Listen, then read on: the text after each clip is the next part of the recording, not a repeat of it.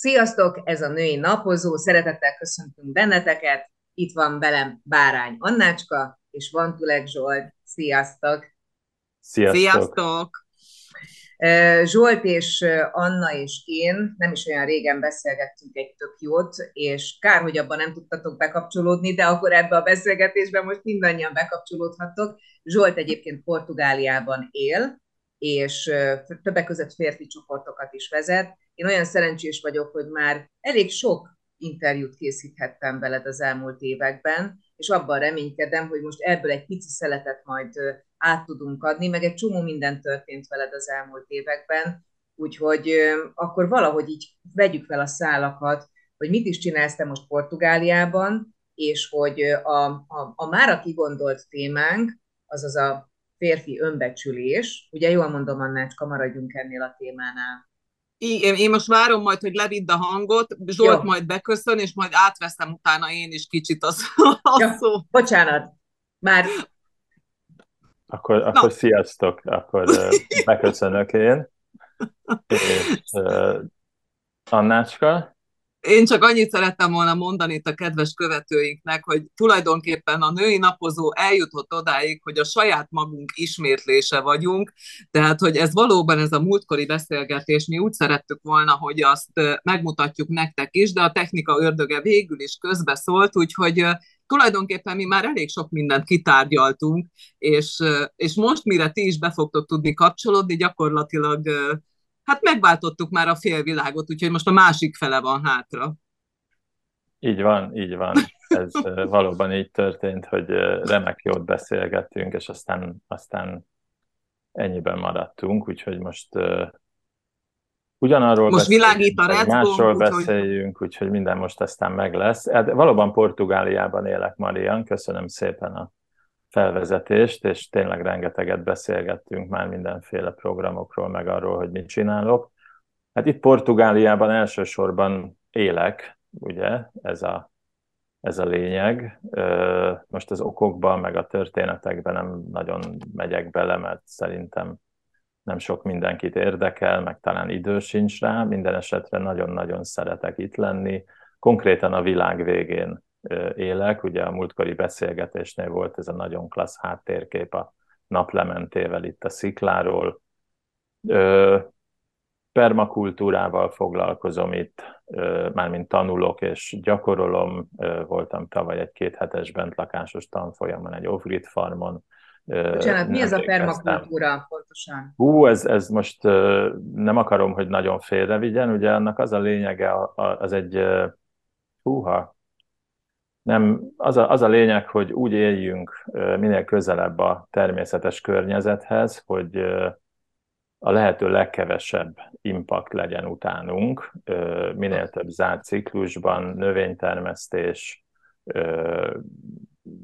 kicsi gazdálkodás, az a, az a lényeg, hogy ne bántsuk a természetet, és így ez egy csodálatos off farm itt a szomszédban, ahol voltam, ők teljesen így élnek, nincs szemét, nincs semmi, gyakorlatilag mindent feldolgoznak. Mesélek majd alkalomattán róla. Na, ez, ez, ez is egy jó téma egyébként. Tehát, órákig, hogy... órákig tudok róla beszélni, meg, meg nagyon szívesen meg is mutatnám nektek a helyet, mert tényleg valami csoda, amit csinált belőle a Pedro. Tehát én beleszerelmesedtem azonnal de elsősorban online dolgozom, hogy visszatérjünk így a régebbi dolgokhoz. Ugye volt nekem annak idején Budapesten egy központom, ahol sok mindennel foglalkoztam, többek között férfi csoportok is voltak, és ez az offline működés, ez most kezdődik majd itt Portugáliában, itt a környékbeli fiatal férfiakkal, és online dolgozom egyébként, nagyon érdekes kurzusokat viszek, piacra járok friss halat venni, friss zöldséget, van egy család, akiktől vásárolok mindig, ők a saját farmjukon organikus gazdálkodást folytatnak, ilyesmikkel foglalkozom, itt ezzel megy az idő, meg hát lemegyek a partra, nézem a hullámokat, a vizet. A jó, jó, jó, jó, jó, jó. Na, szerintem majd a következő bejelentkezésünkre lehet, hogy meglátogatjuk a Zsoltot, nem Marianka? Tehát ha lesz valami szponzor, elmegyünk. Csomagolok. Így. Gyertek bármikor, Na. nagy szeretettel várlak menjünk a, férfiak, menjünk a férfiakra egy kicsit, mégis ez a női napozó, itt kitárgyalhatunk benneteket simán. Pláne egy ilyen szakértővel, mint te.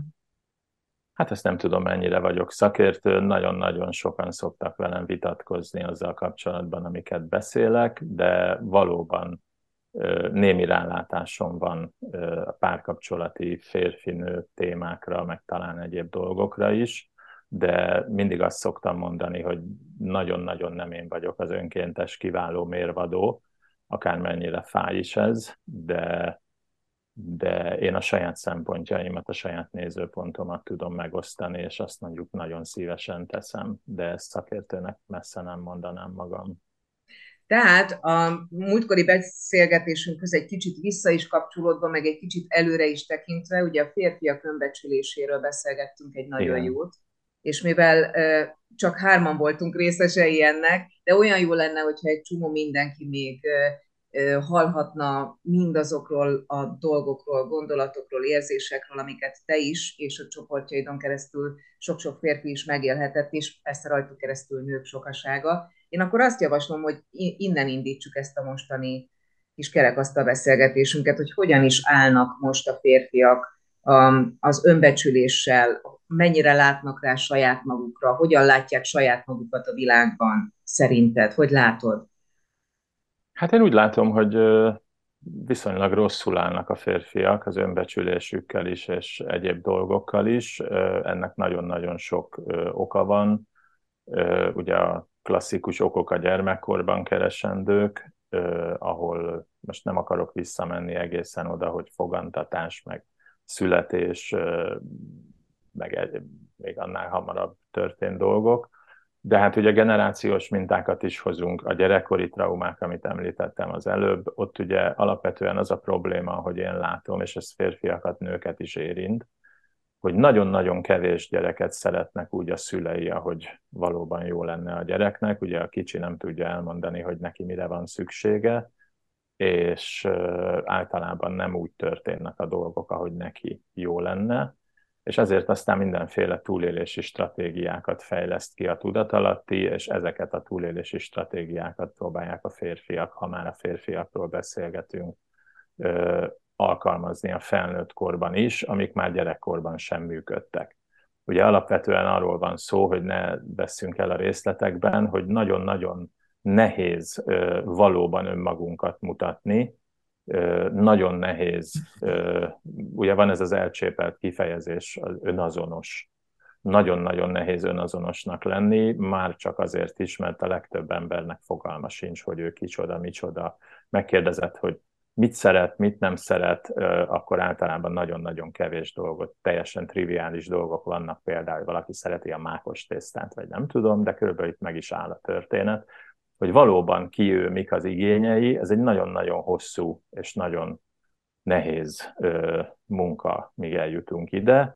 Egészen eddig, amíg ez nincs meg, addig 99%-ban azt csináljuk, ahogy én szoktam mondani, hogy déli bábot vetítünk a másik emberre, és mutatunk neki olyan dolgokat, amiről azt hiszük, hogy majd akkor szeretni fog, majd akkor elfogad engem, és eszünkbe nem jut, hogy minket úgy, ahogy vagyunk, el lehet fogadni, lehet szeretni, elsősorban azért, mert mi magunk sem fogadjuk el, és nem szeretjük magunkat.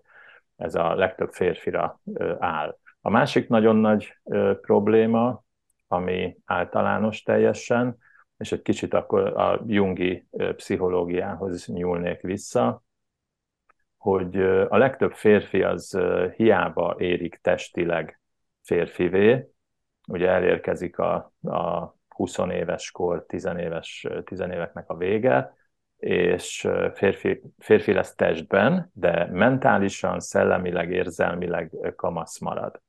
Tehát a, a, ez a hős arhetipus, ami nagyon jó esetben megszületik, és ebbe beleragad a fiatalember, és akár 50-60 éves korában is kamasz fiúként működik. Biztosan ti is láttátok már ilyet, ahogy megsértődik a férfi, toporzékol egy kicsit, nagyon-nagyon sok viselkedési minta van, és ez még önmagában nem is lenne elég. Ugye vannak a személyiség, az arhetipusoknak a, az árnyékai, akik nagyon-nagyon szeretnek beülni a vezetőülésbe, és az is lehet, hogy nem, nem is a hős az, aki működik az adott férfiban, hanem a hősnek az árnyéka, vagy valamelyik korábbi sérülés, ami irányítja a férfit. Ezt nagyon szépen lehet érzékelni egyébként a csoportokban, a kurzusokon, erről mindig beszélek és gyakoroltatom, hogy figyeljen mindenki a saját testére, amikor triggerelődünk, az gyönyörűen mutatja a testünk is, azonnal jelez, általában ezeket ignorálni szoktuk, ezeket a jeleket, és nem nagyon működik a, az a dolog, amit szeretnénk. Tehát a, nagyon-nagyon rossz helyzetben vannak a férfiak, és az, azt veszem észre, hogy az utóbbi években, még akár 5-6 évvel ezelőtthöz képest is nem, hogy javult volna a helyzet, annak ellenére, hogy rengeteg férfi csoport megy szerte a világon, és vannak nagyon-nagyon jók is, hanem még romlott a helyzet azóta is. Itt most már egyre fiatalabb emberekkel találkozom a környéken is, akiknek például erekciós problémáik vannak, nem tudják, hogy hogyan közeledjenek a nőkhöz, és így tovább, és így tovább. Még az az, az érdekes, hogy itt, ahogy körülnézek, itt ugye a parton, Portugáliában, ahol ráadásul ugye második világháború sem volt, tehát az a fajta elképesztő generációs trauma, ami történt Európa többi részén, ugye elsősorban Kelet-Közép-Európára gondolok, hogy az orosz hadsereg végig előszakolta az egész országot oda-vissza, és ezt hordozzuk a testünkben, leszármazottak a mai napig mi is.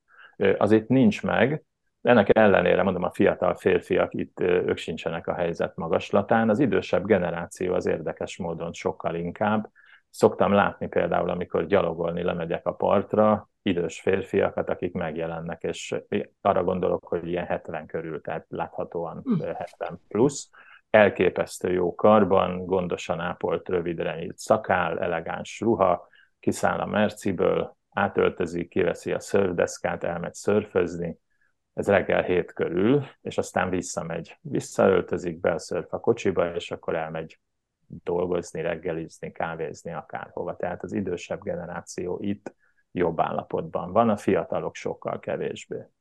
Bocsánat, hogy itt nagyon közbeszólok, csak hogy az elején mondtam, hogy akkor a Zsoltot meglátogatjuk mi ketten, Marianka, de ezt most annyival kibővíteném, hogy akkor a női napozó egy ilyen kisebb csoportot is indítana ezekre a reggeli 7 órás. Igen. Nem, ezekre a reggeli 7 órás Mercedesből kiszáll, és egy kicsit elmegy szörfözni idősödő úri emberekre, akkor egy kicsit így rámenve. Azt szerettem volna még kérdezni, bocsánat, tehát legyen ez egy ilyen társkereső oldal is. Hát ez, ez is probléma is. egyébként.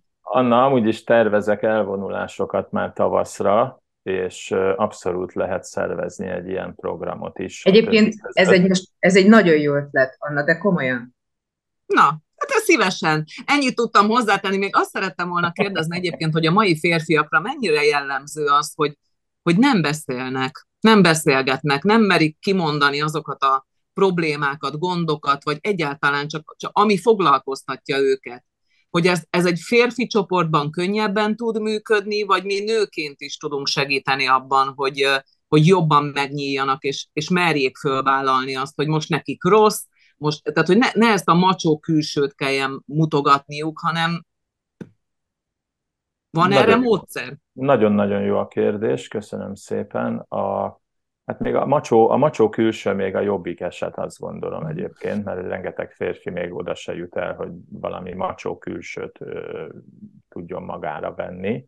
Ö, aki eljön férfi csoportba, ott azért már jóval egyszerűbb a helyzet, mert hogyha megszületik, ugye mindenhez, bármihez, ha akarunk valamit csinálni, kezdeni, változtatni, akkor ahhoz az kell, hogy belül megszülessen egy igény a változásra. Tehát felismerjük, hogy valami, ami működik bennünk, körülöttünk, az nekünk nem jó, mint ugye az üvegtigrisben, amikor bezárták a srácokat a, a Imádom. lakókocsiba.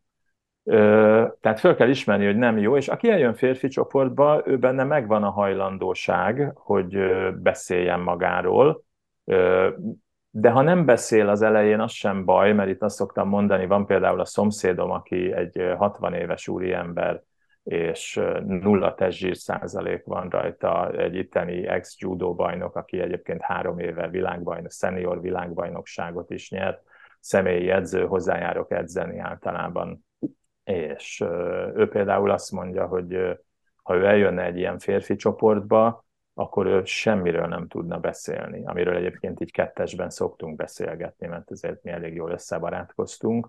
Ő ott nem tudna megszólalni mások előtt, és erre én azt mhm. válaszoltam, hogy nem gond, az is bőven elég, hogyha eljön, és érzékeli azt a támogató teret, amit egy ilyen csoport tud adni.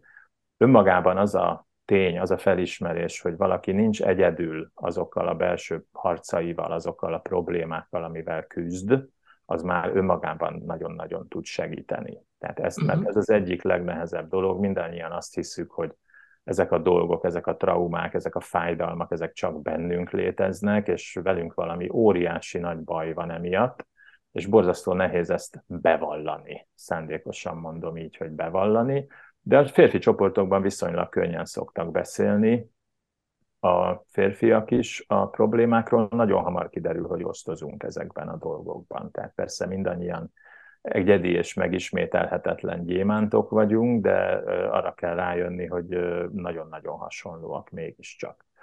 Nők miben segíthetnek, főleg a párkapcsolatban érdekes ez, az is egy nagyon kellemetlenül működő minta, hogy különösen akkor, amikor erős nő van a párkapcsolatban, hogy a nő fölvesz egy olyan szerepet, főleg azért, mert a férfi az segít neki abban, hogy fölteszi őt egy piedesztára, és alá megy rögtön, hogy támogatni akarja, segíteni akar neki, lögdösni akarja, motiválni akarja, hogy csináld ezt, csináld azt, majd én segítek, nem tudom, szóljatok, hogyha hülyeségeket beszélek. És nem, nem, én, én várom a módszert.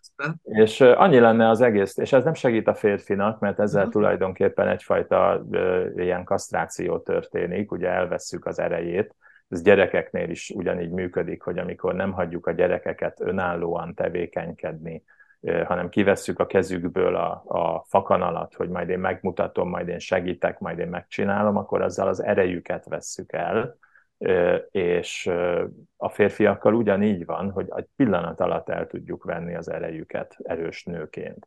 Miközben, hogyha nehézségbe ütközik, vagy van valami problémája láthatóan, akkor, akkor az bőven elég neki, hogyha a nő azt mondja neki, hogy itt vagyok, szeretlek, támogatlak, tudom, hogy meg tudod oldani, tudom, hogy erős vagy, és tudom, hogy fel tudsz állni egyedül is. De én itt vagyok, és várlak. Ez bőven elég, hogyha ezt a férfi tudja, érzi, hallja. És hát a mhm. kommunikáció az nagyon fontos a párkapcsolatban, még akkor is ez egy tan- ezt tanulni kell, gyakorolni kell, Ugye elsősorban a férfiaknál borzasztó nehéz az, hogy az érzelmeikkel kapcsolódjanak. Ez velem ugyanígy volt régen, tehát nem, hogy beszélni nem tudtam az érzéseimről, érzelmeimről, én magam sem éreztem őket. És akkor szép lassan először terápiában sikerült, aztán utána már tudtam róla beszélni olyan helyzetekben is, ahol tét volt, mármint párkapcsolat, vagy ilyesmi ez a. De szembenézni ezekkel a dolgokkal nagyon-nagyon nehéz.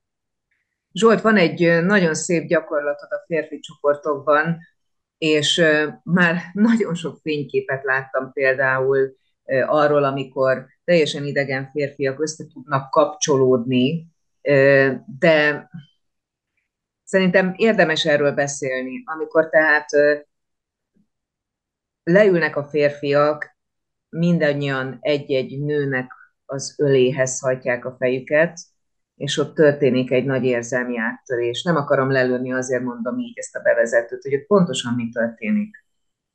Ez egy nagyon-nagyon szép gyakorlat, ugye itt visszamegyünk a gyerekkorba, a kisgyerekkorba. Ehhez ugye női segítők kellenek, ezt önállóan férfiként nem tudjuk, illetve most, hogy mondod, egyébként adtál egy remek ötletet, úgyhogy lehet, hogy ezt majd tovább viszem, úgyhogy kizárólag férfiakkal is megcsináljuk. Nem biztos, hogy úgy, hogy a egymás ölébe hajtjuk a fejünket, de, de valami más módon. Ugye a klasszikus verzió, amikor hívunk női segítőket, és párokba ö, szépen leülünk, saját kis biztonságos térben, és ott az, a nő az édesanyja szerepét veszi föl, a férfi pedig kisgyerekkorba visszamegy, és ilyenkor van megfelelő zene, meg félhomály, meg a szokásos ilyen, tehát megcsináljuk nagyon szépen a teret energetikailag is, és ott annyi a, annyi a történet, annyi a feladat, hogy a férfi az halkan, tehát az intim térben csak ketten ők, ők hallják ezt, ami ott elhangzik, elmondja azokat a mondatokat, mindent, amit ő gyerekként szeretett volna az édesanyjától hallani,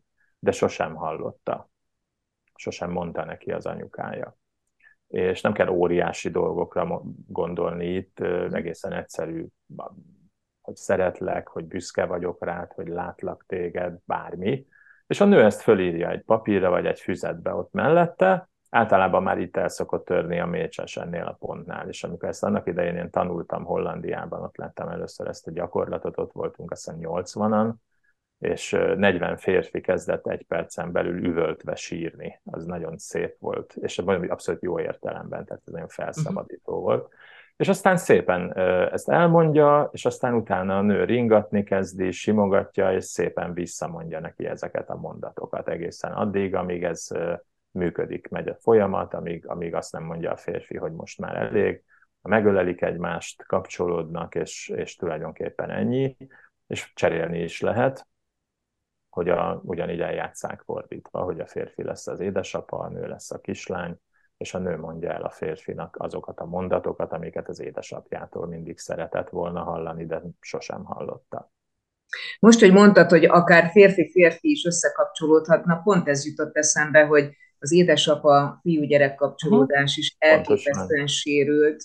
Így van, így Nagyon van, sok így családban van. lehet azt érzékelni, hogy vagy nincs jelen az apa érzelmileg, elérhetetlen a gyerek számára, vagy, vagy egyáltalán nem is tud vele semmilyen módon fizikailag se kapcsolatba lépni, szóval hogy ez nagyon hasznos lenne.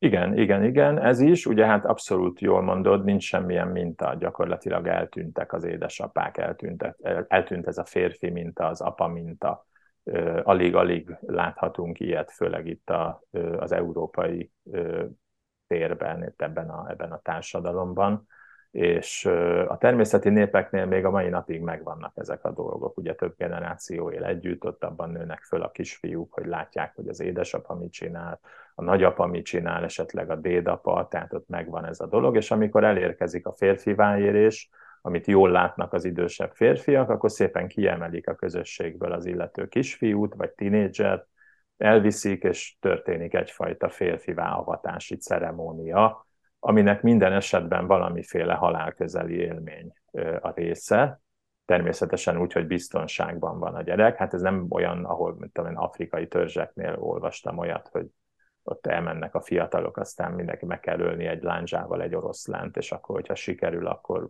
akkor örülünk, hogyha nem, akkor, akkor meg így jártunk. Tehát nem ennyire szélsőséges a dolog, ott vigyáznak rá, de mégis van valami nagyon komoly próbatétel, aminek a végén maguk közé fogadják, és azt mondják, hogy mától te fiam férfi vagy.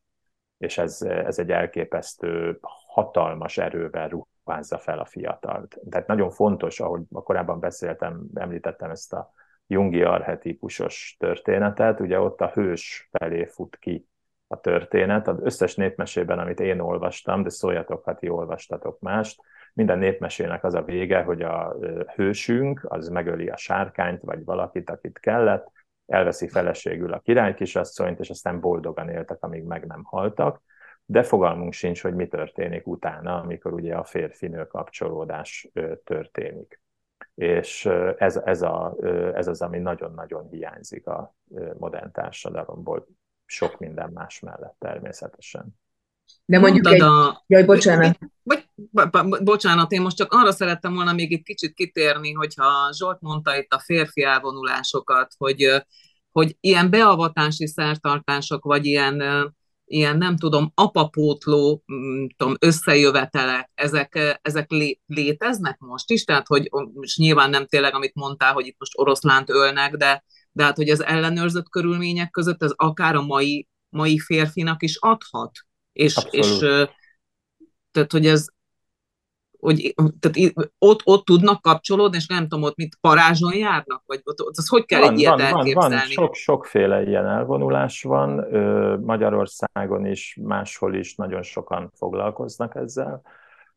Mondtam az elején, hogy én tudok pár olyanról is, ami nagyon jó, tudok pár olyanról is, ahol annyira a végkifejlet, ahogy így hallom, nem annyira jól működik, de abszolút a közösség, a férfiak megtartó ereje, és ilyen mindenféle próbatételek vannak, parázsonjárás, izzasztó kunyhó, hogyha nagyon extrémbe el akarunk menni, én amit csinálni fogok, én ugye foglalkozom mesternövényekkel, szennövényekkel is több mint tíz éve, és én biztos, hogy fogok csinálni, erről beszélgettünk is már a itteni srácokkal, egy olyan folyamatot, amit úgy hívnak, hogy purga, mapacsóval ez a szent dohány az Amazonasról, és azzal csinálunk egy ilyen tisztító szertartást, ami borzasztó kellemetlen, de nagyon-nagyon nagy erőt ad. Ö, ilyet is fogunk csinálni, izzasztó kunyhó is lesz, pont a jövő héten megyek a szomszéd faluba ehhez a barátomhoz, ahol